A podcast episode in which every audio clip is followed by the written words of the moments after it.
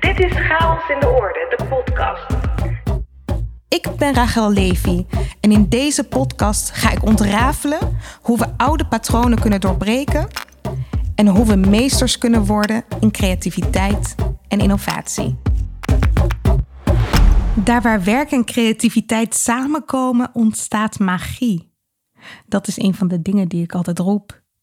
En volgens mij is het waar. Want met een creatief sausje maak je taaie processen leuk en luchtig. En met een inspirerende vorm komt de inhoud meer tot leven. Mensen zeggen vaak: het gaat niet om de vorm, het gaat om de inhoud. Maar volgens mij is de vorm ook belangrijk. Juist belangrijk. In deze aflevering ga ik op zoek naar de relatie tussen rituelen en een inspirerend werkklimaat. Ik word geholpen door Amijke van der Ven. Ze is rituelenmaker en eigenaar van het Rituelenatelier. Chaos in de orde. De zoektocht. Als ik denk aan rituelen, zie ik allerlei beelden vormen van magische momenten. Zoals na een ja-woord twee mensen die elkaar ringen omschuiven. Of een klein babytje in een veel te grote witte jurk dat wordt gedoopt. Of die eerste keer dat je een losse tand onder je kussen mocht leggen omdat de tandenvee hem zou komen halen. Of die reis in Ethiopië waar een jonge man over wel vijf, misschien zes koeien heen moest springen om zijn volwassenheid te bewijzen. Of ik denk aan een cirkel vrouwen die samen de maan vereren. Of het uitdelen van toi voor een theatervoorstelling. En elkaar vooral niet zeggen break a leg. In ons persoonlijke leven hebben we ongelooflijk veel rituelen. Maar ook in organisaties bestaan deze. Bewust dan wel onbewust. En voordat we het daarover gaan hebben, ben ik eerst benieuwd hoe raak je nu eigenlijk zo gefascineerd door rituelen? Mijn fascinatie voor rituelen die is eigenlijk ontstaan bij mijn eerste werkgever. En dat is een soort onbewust proces geweest. Ehm, ik ben uh, gestart uh, als journalist binnen de Koninklijke Landmacht. En ik had sowieso altijd al een fascinatie voor wat mensen drijft. En binnen de landmacht zijn heel veel rituelen. Dus ik ben als werknemer opgegroeid met heel veel rituelen in een organisatie. Voor vieren, voor verwerken, voor transitiemomenten. En toen ik daarna in andere organisaties terechtkwam, miste ik ze. En ben ik ze eigenlijk altijd gaan zoeken. En toen dacht ik, hé, hey, dat is gek dat ze binnen andere organisaties misschien niet zo expliciet aanwezig zijn. En ja, wat gebeurt er dan als dat er niet is? En wat kun je winnen als het er wel is? Dus daar is het eigenlijk ontstaan opgegroeid in een organisatie die aan elkaar hangt van rituelen. Rituelen binnen de landmacht die uh, mij het meeste bijgebleven zijn, dat zijn de, um, uh, de momenten wanneer je bijvoorbeeld van rang verandert. Uh, dan krijg je een soort van mini-inwijding. Dus wanneer je van, ehm, nou ja, in, in mijn geval van eerste luitenant naar tweede luitenant verandert, of wacht even hoor, sorry, van luitenant naar kapitein. Want volgens mij draaide ik het net op. Dus als je van, uh, van luitenant naar kapitein uh, verandert, dan toen werden mijn strepen, mijn sterren werden gedoopt. Dus ik kreeg bier over mijn, mijn sterren heen om aan te geven van je bent nu een andere rol dan de rol die je daarvoor had. En um, dat maakt ook dat je nadenkt over wat wordt er dan gevraagd van mij in deze rol, die ik daarvoor niet had. En dat is een zo expliciete manier om van nou ja, functie of rol binnen een organisatie te wisselen. Um, die je in andere organisaties niet zo tegenkomt. Dan heb je opeens een andere functie. Maar dan wordt daar niet zo op die manier expliciet bij stilgestaan. Van je gaat nou eigenlijk een overgang door van de ene naar de andere rol in een organisatie. Een ritueel kan op bepaalde momenten zorgen voor bewustwording. Even stilstaan. Zoals op het moment dat je verandert van rol. Ik vraag me af wat zo'n ritueel betekent voor medewerkers Ik denk uh, dat rituelen, um, en ook een ritueel als dit, um, zorgen voor een stukje tijd buiten de reguliere tijd. Dus je creëert eigenlijk een ruimte buiten je dagelijkse waan van de dag of je normale werkcontext. Die maakt dat je uh, tijd hebt voor reflectie. Dus het, het uh, zet je um, in dit geval eigenlijk een beetje op een, op een pauzeknop die je induwt om even na te kunnen denken van wat gebeurt hier nu? Wat is de impact en wat, uh, wat doet dat met mij? Oké, we stappen op belangrijke momenten dus even uit de waan van de dag om tijd te nemen voor een ritueel. Misschien is het handig dat we even stilstaan bij het ritueel. Wanneer is iets een ritueel? Een ritueel is een, uh, um, een bewuste uh, handeling met uh, symboliek die je um, inzet om aandacht te geven aan het verwerken of het opwekken van emoties binnen je organisatie, in dit geval. In je leven, maar als we het hebben over organisaties, dan om, om om te gaan met emoties die er spelen in de onderstroom van jezelf of van je organisatie. Bewust stilstaan bij belangrijke momenten met hulp van symboliek. En dat is geen hype of iets hips. Mensen, rituelen, die, uh, ja, rituelen zitten in ons DNA. Uh, want voordat we taal hadden, hadden we al rituelen. Dus als je kijkt naar wat er gebeurde uh, al ver voor hè, de prehistorie, onze voorouders. Uh, toen zijn we gaan kijken van wat gebeurt er om ons heen en hoe kunnen we daar een verklaring voor vinden. Voor die emoties die we dan voelen voor, in onszelf. En symboliek is een taal die uh, doorwerkt op dat oudste deel van onze hersenen. Dus waar onze basisemoties in zitten, zoals boosheid, verdriet of blijdschap of angst. Um, daar, daar, ja, daar kon taal nog geen toegang toe hebben, omdat taal toen nog niet bestond. Maar symboliek wel. Dus daar is onze symbooltaal eigenlijk al ontstaan in dat hele oude deel uh, van ons zijn. En dat hebben we altijd meegenomen. Dus wat je ziet is dat uh, symbolen nog steeds toegang geven tot je diepe uh, onderstroom en je diepe emoties, waar je met woorden jezelf makkelijk voor de gek kan houden of het kan wegredeneren, raakt zo'n symbool heel diep in zo'n emotiegebied. Rituelen gaan over emotie. Misschien dat ik rituelen daarom vooral associeer als iets wat intiem is, persoonlijk. Want emotie laten zien in een organisatie, of laat ik zeggen, al te veel emotie laten zien in een organisatie, is nou niet bepaald gebruikelijk. Maar in ons persoonlijk leven zijn rituelen overal. Ja, begrafenissen, hè, dat zijn van die uh, rituele momenten die zich door de jaren heen wel um, aangepast hebben aan de tijd. Maar we hebben altijd mensen symbolisch begraven. En afhankelijk van welke um, beelden we hadden van nou ja, de wereld na, na ons, um, hebben we uh, daar steeds ook symboliek aan toegevoegd. Dus hè, dan zie je dat mensen in graftombes werden begraven met spullen om hen heen, omdat mensen dachten van nou, die heb je dadelijk nodig. Maar de symboliek van je gaat over naar iets anders, um, ja, dat is wel een, een een ritueel wat we steeds hebben meegenomen. En hetzelfde geldt voor het verbinden van mensen in ja, huwelijkscontexten of uh, samenlevingen. Uh, samenlevingssituaties. Dat, dat is wel wat we steeds zijn blijven doen. Um, op wat voor manier dan ook. Hè. Dus dat is wel cultureel afhankelijk. En het is uh, afhankelijk van de manier waarop dat je uh, naar het leven kijkt. Maar ja, dat soort rituelen hebben we wel steeds meegenomen. Die zijn heel belangrijk voor ons. Ook al ging mijn associatie met rituelen nou niet direct uit naar de manier waarop we met anderen werken. Amijke vertelt dat we ook in ons werk eigenlijk van nature rituelen creëren. Ja, ik denk dat in ons werken altijd rituelen zijn. Um, ik denk wel dat we ons daar minder uh, uh, bewust van zijn hoe belangrijk uh, ze zijn. Ik heb een voorbeeld van een uh, fusieorganisatie die eigenlijk pas na de fusie erachter kwam hoe belangrijk hun eigen rituelen waren en dat ze überhaupt rituelen hadden.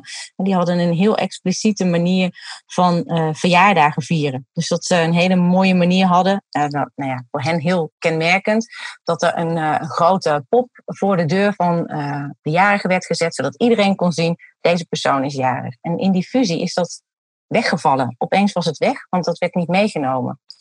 Ehm, en toen werd het gemist. Want dat is, ehm, ja, was iets heel belangrijks voor die organisatie. En op het moment dat het er niet meer was, voelde dat heel leeg en kil en kaal. En dat is ook wat je vaak terug hoort in, uh, in workshops die ik geef. Dat mensen zeggen, ja, ehm, we hebben onze uh, leuke dingen of onze mooie dingen of onze speciale dingen, die zijn allemaal wegbezuinigd. Of die zijn allemaal uh, weggesaneerd. of die zijn tijdens een reorganisatie verdwenen. En nu voelt het leeg en kaal. En dat is wel um, ja, wat, wat rituelen um, doen in een organisatie. Die brengen dat stukje betekenisgeving en bezieling, maar ook dat stukje warmte en persoonlijke aandacht mee. Zonder rituelen kan het in een organisatie leeg en kaal aanvoelen. We hebben rituelen nodig om betekenis te geven aan wat we de hele dag met elkaar doen.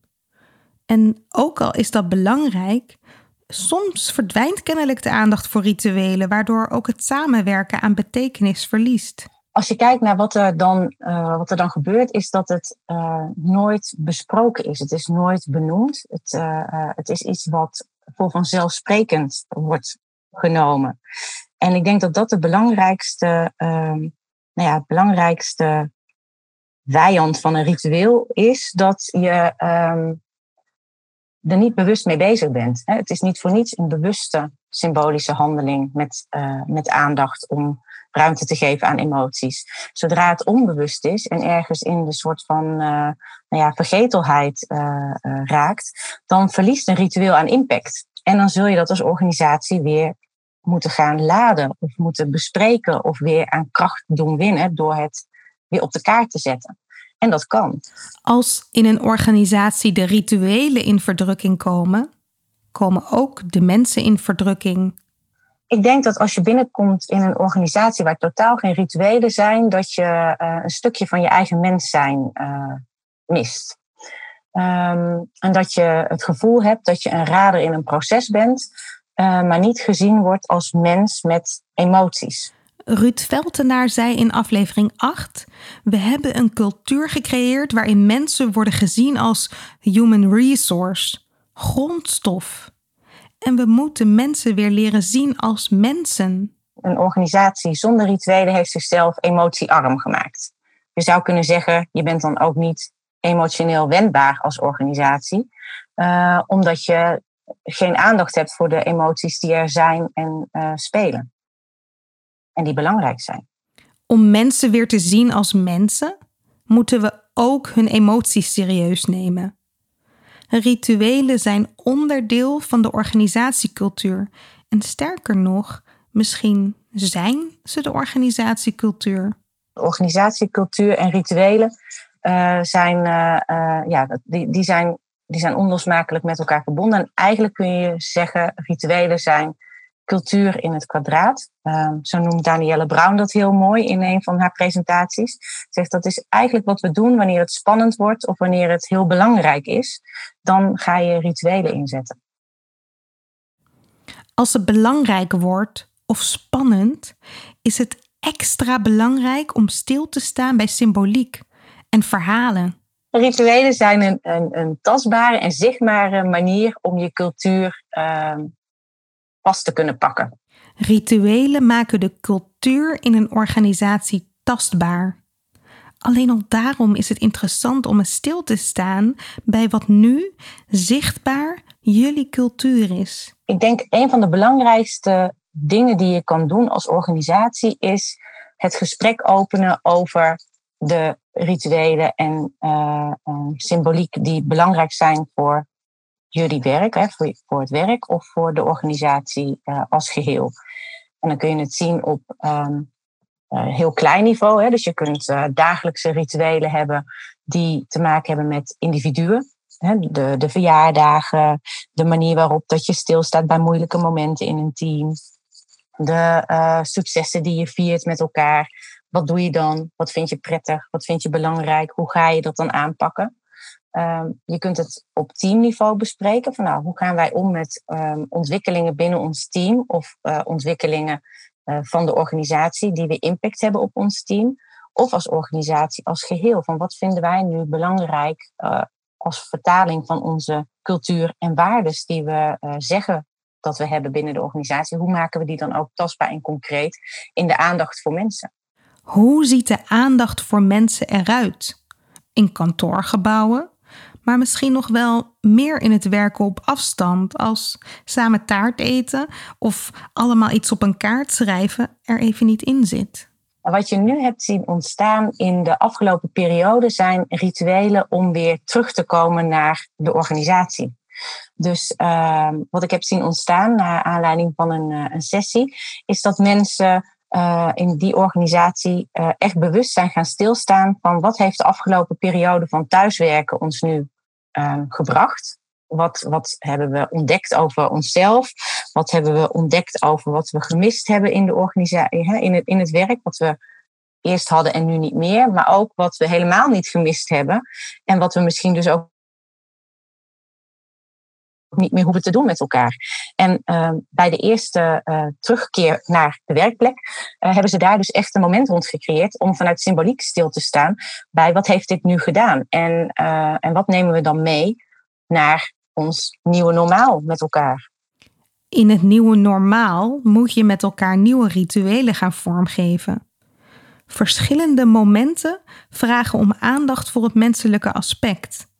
Amijke noemt een aantal voorbeelden rond verjaardagen, maar ook rond, uh, nee, ik noem dat dan het, het mood management van je team. Uh, dus je gaat dan kijken naar hè, wat, wat hebben we nodig om uh, het leuk te hebben met elkaar. En een voorbeeld daarvan is uh, een, een, team wat altijd virtueel werkt. Dat is hè, Involve. Ehm, en daar hebben we echt hele vaste rituelen gezien rond uh, geboortes. er, is een, uh, een, vast cadeau wat je dan krijgt. Maar je hebt ook uh, ballonnen die terugkomen als je zoveel jaar werkt. Of rituelen rond het overdragen van rollen en taken, waarbij er dan echt een symbool wordt meegegeven van nou, dit is nu een taak die bij jou hoort. En dan gaat dat symbool mee en dan zit daar ook een bepaalde lading aan. Dus daar zie je dat er echt wel rituelen zijn ontstaan in hoe hou je mensen bij elkaar. En zeker als je niet altijd bij elkaar bent fysiek, uh, zijn dat soort rituelen extra belangrijk. Hè? Die dagelijkse momenten of die mijlpalen in het leven die je dan steeds markeert.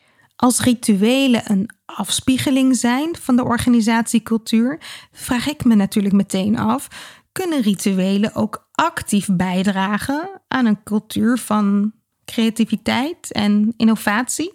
Ik denk zeker dat rituelen bijdragen aan een cultuur van uh, creativiteit en innovatie. Juist als je durft te kijken naar wat er is en wat er op dat moment gevraagd wordt. Um, ik denk dat rituelen slecht werken wanneer je ze van bovenaf oplegt. Um, dus ik geloof niet heel erg in een organisatiecultuur die vanaf het hoogste management zegt: dit zijn de rituelen die we hebben en zo moet je het doen ik geloof wel in een organisatiecultuur die zegt: dit vinden wij belangrijk en wij geven jou als team uh, de ruimte om daar je eigen rituelen op te ontwikkelen. En dat prikkelt natuurlijk heel erg de creativiteit van mensen, omdat je dan steeds opnieuw gaat kijken: uh, wat vraagt deze situatie en hoe kunnen we daar vanuit symboliek dan ook aandacht aan geven met elkaar, zodat het echt die emoties uh, vat die nodig zijn, of die we willen verwerken, of die we willen vergroten. Teams zouden dus ruimte moeten krijgen om hun eigen rituelen te ontwikkelen. Rituelen die de kernwaarden van een organisatie in de praktijk brengen en rituelen die mensen helpen om hun persoonlijke emoties en hun drijfveren te verbinden aan het grotere doel van de organisatie. Maar moeten we een ritueel wel bedenken? Of ontstaan ze vanzelf? Ik denk dat er uh, dingen zijn die organisch ontstaan. Um, zoals iemand die opeens begint met een bepaalde uh, manier om een verjaardag te vieren en dat slaat aan. En dan denken mensen, oh, dat gaan we altijd doen. Of uh, een manier om aandacht te geven aan een, moeilijk moment. En dan denken mensen, oh, dat gaan we de volgende keer weer doen. Um, ik denk ook dat er kracht zit in juist stilstaan uh, vanuit het bedenken. Uh, wanneer het gaat bijvoorbeeld rond um, um, momenten in projecten bijvoorbeeld. Of um, faseringen van reorganisaties of ontwikkelingen binnen je eigen teamdynamiek. waar je van kan zeggen van nou, dit is een belangrijke emotie die we hier willen vastpakken. Hier gaan we iets voor bedenken wat, wat meer is dan even een werkvorm tussendoor. Um, we hebben, ik heb bijvoorbeeld een heel leuk voorbeeld van een organisatie die krijgen nu een nieuwe naam. Um, en dat betekent niet alleen een nieuwe naam, maar dat betekent ook een nieuwe manier van met elkaar omgaan en werken. Een hele andere insteek. En die wilden ze lanceren met een heel groot uh, evenement en feest. En ja, gewoon heel veel aandacht voor. We gaan nu iets nieuws doen. Um, en daar hebben we aan voorgesteld van, goh, misschien is het ook goed om even stil te staan bij het begraven of het laten sterven van de oude naam en daar de aandacht voor en de tijd voor nemen om even bewust afscheid te nemen van wie je was en wat er, uh, wat er toen belangrijk was. En de mensen de gelegenheid te geven om daar even om te mogen rouwen. Want die emotie is er zeer zeker. Uh, alleen daar wordt niet altijd bewust bij stilgestaan. Dus ik denk dat in zo'n situatie uh, het kiezen voor een bewust moment uh, waarbij je iets bedenkt met elkaar van hoe kunnen we dat dan vormgeven, heel erg sterk is. En zoiets ontstaat niet vanzelf. Soms ontstaat een ritueel dus niet vanzelf. Terwijl het wel waardevol zou zijn om even stil te staan bij een belangrijke gebeurtenis of verandering.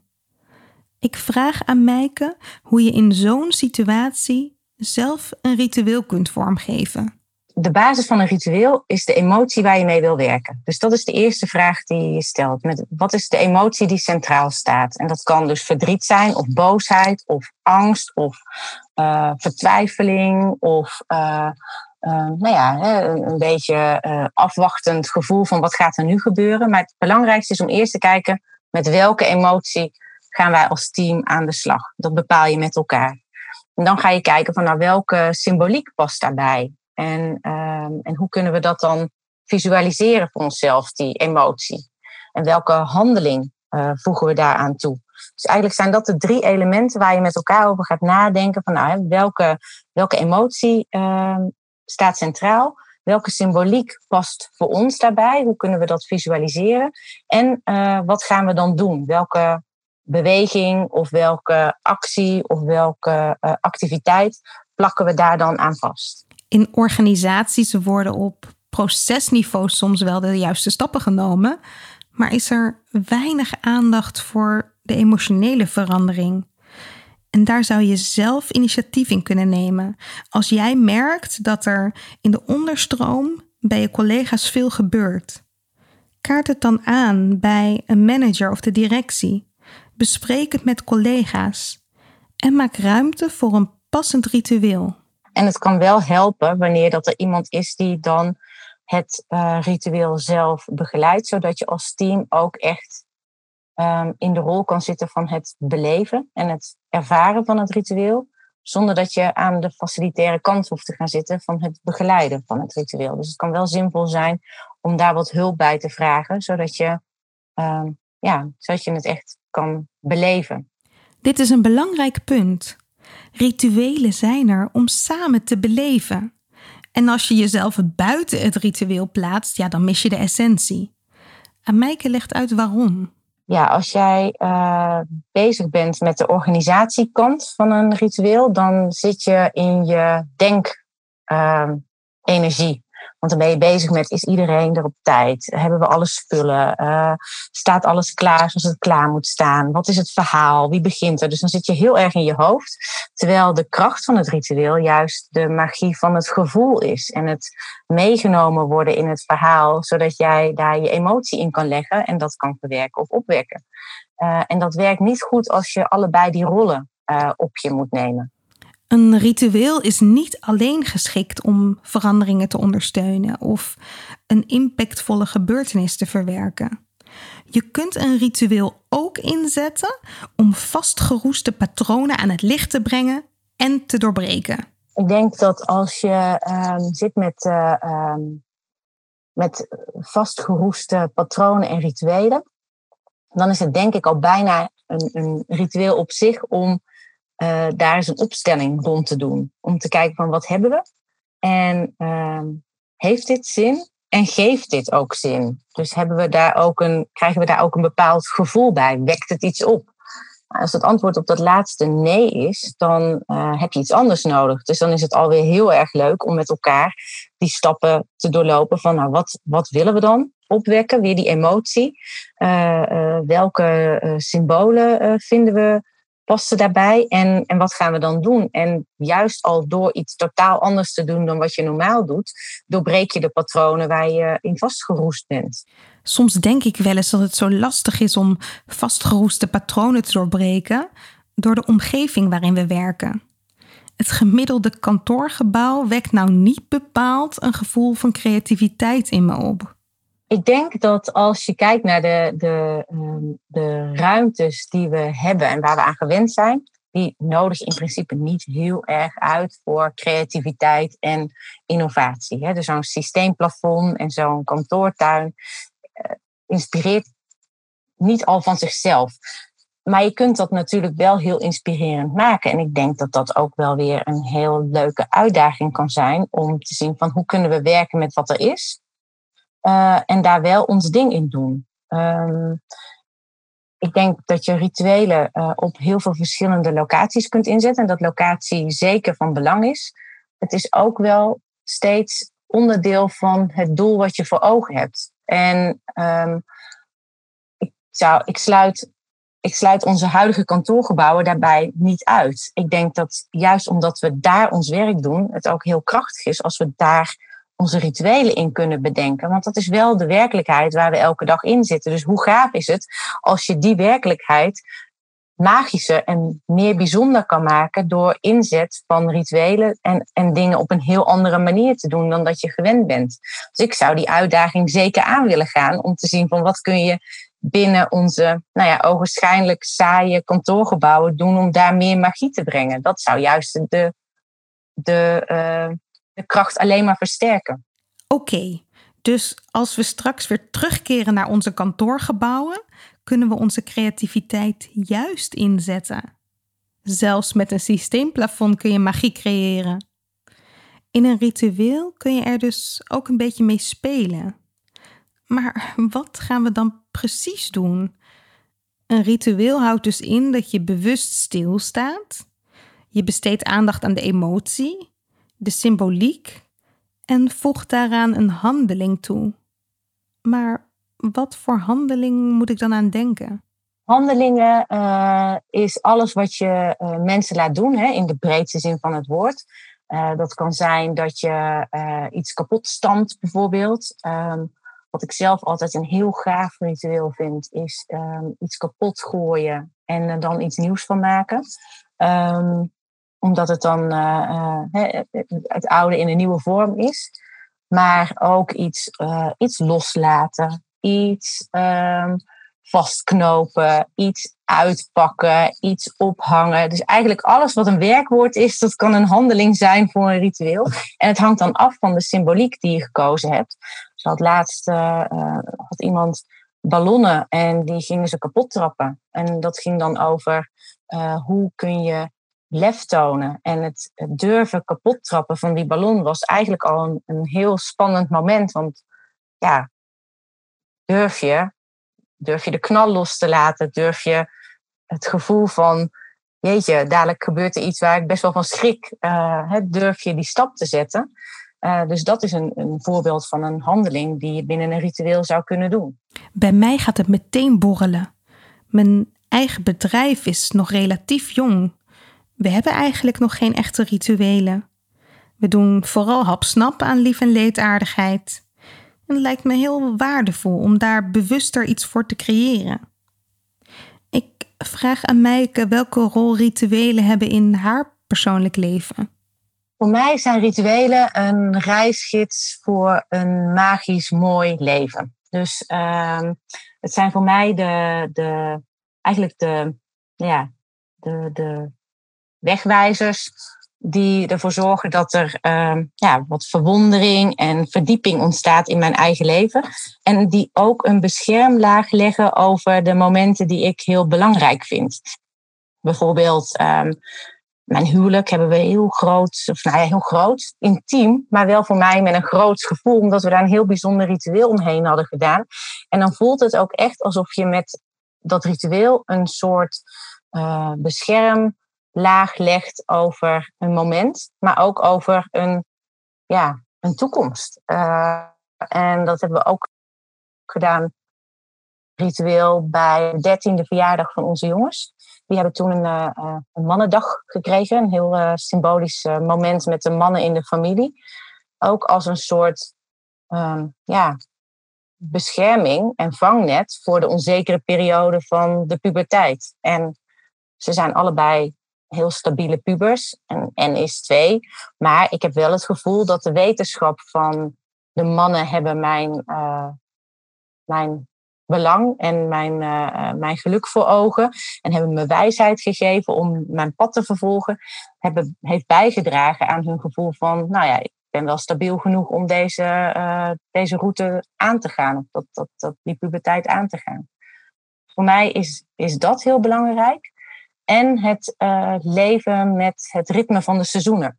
Dus de, nou ja, eigenlijk de flow die je voelt in de lucht. Als je in de lente ben je altijd wat enthousiaster en wat meer in dromen en plannen ontwikkelen. Nou, en dan in de herfst word je wat uh, reflectiever en uh, wat meer nou ja, in jezelf. En ga je meer kijken van nou, wat heb ik nu eigenlijk geoogst en hoe is dat gegaan.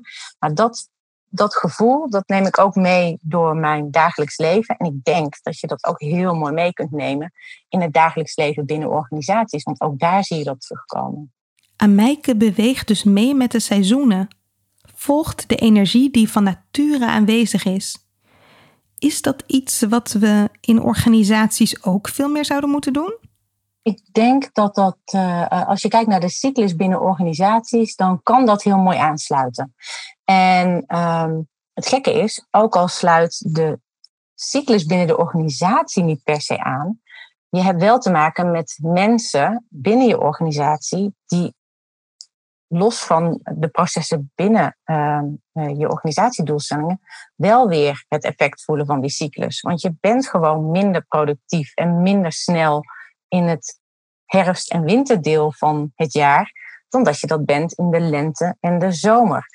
Um, en dat, dat niet onderkennen van hoe de natuur ook impact heeft op ons als uh, ja, natuurlijke wezens.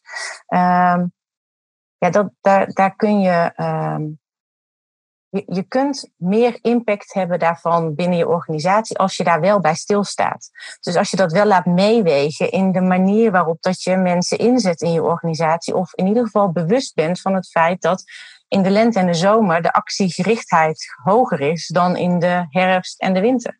In de herfst voelen we ons anders dan in de lente. Ik heb het idee dat in veel kantoren die seizoenscyclus onbewust eigenlijk al wordt gevolgd. We beginnen met terugblikken in het laatste kwartaal, nemen dan tijd voor reflectie, evaluaties. Uh, we maken plannen in het eerste kwartaal en gebruiken dan de lente en zomer om uit te voeren. Maar dit kan per organisatie en ook per sector enorm verschillen, zegt Ameike. Ik denk dat uh, we onbewust wel uh, voelen hoe die seizoenen werken. Ik denk ook dat het afhankelijk is van het type organisatie waar je in zit. Want als je in de retail zit, dan is juist de herfst en de winter een enorme, mega drukke periode, omdat dan de kerst en Sinterklaas en, en alle cadeaus en de, de feesten. Dus dan, dan loopt dat niet helemaal gelijk met het feit dat je dan misschien wat meer zou willen uh, reflecteren. Dan moet je juist enorm knallen. Um, dus ik denk wel dat het afhankelijk is van het type organisatie waar je, uh, waar je in beweegt. Of dat die seizoenen daar goed op aansluiten of niet. We mogen onze emoties volgen. En we mogen ze zichtbaar en bewust verwerken. Als het aan Ameike ligt, gaan we massaal aan de slag met betekenisvolle rituelen. We gaan de magie terugbrengen in organisaties. Ik gun mensen in organisaties dat ze ook daar hun mens zijn mogen ervaren en um, beleven. En, en ik gun ze dat er dus meer ruimte is om daar op um, creatieve en symbolische wijze invulling aan te mogen geven. Dus dat je eigenlijk vanuit de organisatie de, de toestemming krijgt om dat wat zo diep in ons DNA verweven zit en wat we buiten organisaties als vanzelf doen, om dat binnen organisaties ook in te mogen zetten, omdat het ons alleen maar krachtiger en groter maakt dan dat we nu zijn. Chaos in de orde. De zoektocht. Na het gesprek met Ameike heb ik even nagedacht welke rituelen ik zoal zag in de organisaties waar ik in werkte. En dan herinner ik me bijvoorbeeld taart naast de koffieautomaat bij verjaardagen. Of een lieve leedpotje waar iedereen dan jaarlijks een bijdrage in deed. Of ehm, een jaarlijkse quiz zo bij het uh, kerstontbijt. Of pizzasessies als er s'avonds overgewerkt moest worden. En eigenlijk waren dat ook de momenten waarop ik me het meest verbonden voelde met mijn collega's. Dat we even niet direct met ons werk bezig waren. Dat we lekker konden lachen samen. Of ja, gewoon een, een intiem onderrondje hadden. En eigenlijk waren de momenten dat de verbondenheid verdween, bijna altijd ingegeven door een grote verandering bijvoorbeeld plots een nieuwe manager, ehm, een verhuizing naar een ander kantoorpand, een fusie, een reorganisatie. Ja, of door het negeren van de onderstroom van emoties die overduidelijk aanwezig waren in het team. En nu Ameike dat zo zegt, herken ik dat het precies die momenten waren waarop rituelen eigenlijk niet werden voortgezet en er ook niet iets anders voor in de plaats kwam. Het waren een beetje de momenten waarop we ons verloren voelden, verwaarloosd misschien. En alleen al dat inzicht zou jou als organisatievernieuwer kunnen helpen, want jij kunt dit op de kaart zetten door in veranderprocessen ook de emotionele kant mee te nemen. Om bewust samen los te laten, samen te vieren, samen de verandering te markeren en herinneringen te delen. Want uiteindelijk zorgen die momenten voor een inspirerend werkklimaat, waarin je je gezien, gehoord en erkend voelt. Heb jij een idee hoe ik mijn zoektocht kan vervolgen? Wie ik zeker moet spreken? Mail dan naar podcast.chaosindeorde.nl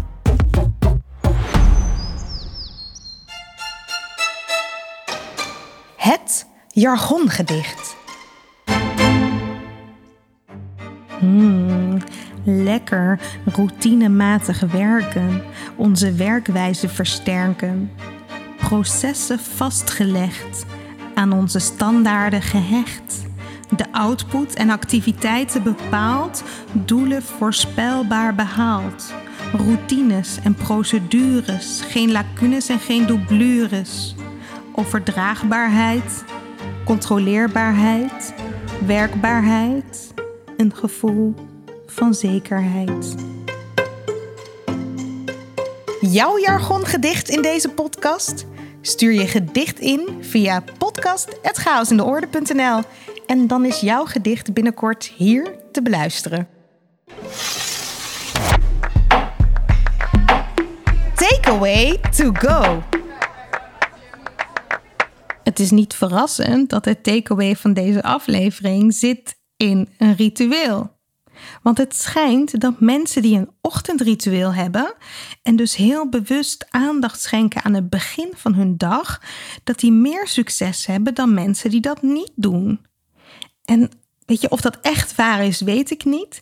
Maar het klinkt wel logisch dat de start van je dag bepaalt of het een productieve en inspirerende dag wordt, of juist een stressvolle en vermoeiende dag. En daarom wil ik je uitnodigen om eens na te denken over jouw start van de dag. Hoe besteed je jouw eerste uur? Kijk je op je telefoon?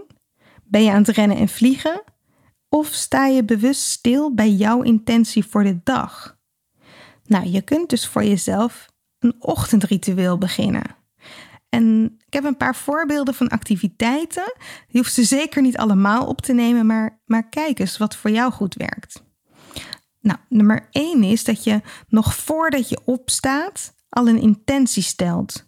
Dus de wekker gaat en voordat je meteen in de waan van de dag stapt, blijf je nog heel even liggen en denk je na over een positieve intentie voor de dag. Nou, nummer twee is dat je bewust gaat douchen. Dus je geeft aandacht aan het moment, de warmte van het water, je luistert naar een fijn muziekje. Nummer drie, doe iets waar je blij van wordt bij de start van de dag. En voor de een zal dat misschien een sportieve oefening zijn, een rondje rennen. Voor de ander is dat een meditatie. Uh, voor weer een ander is het even lekker voor je uitstaren met een kop koffie. En het maakt eigenlijk niet uit wat je doet, als je het maar met aandacht doet. En nummer vier is, stel realistische doelen voor de dag.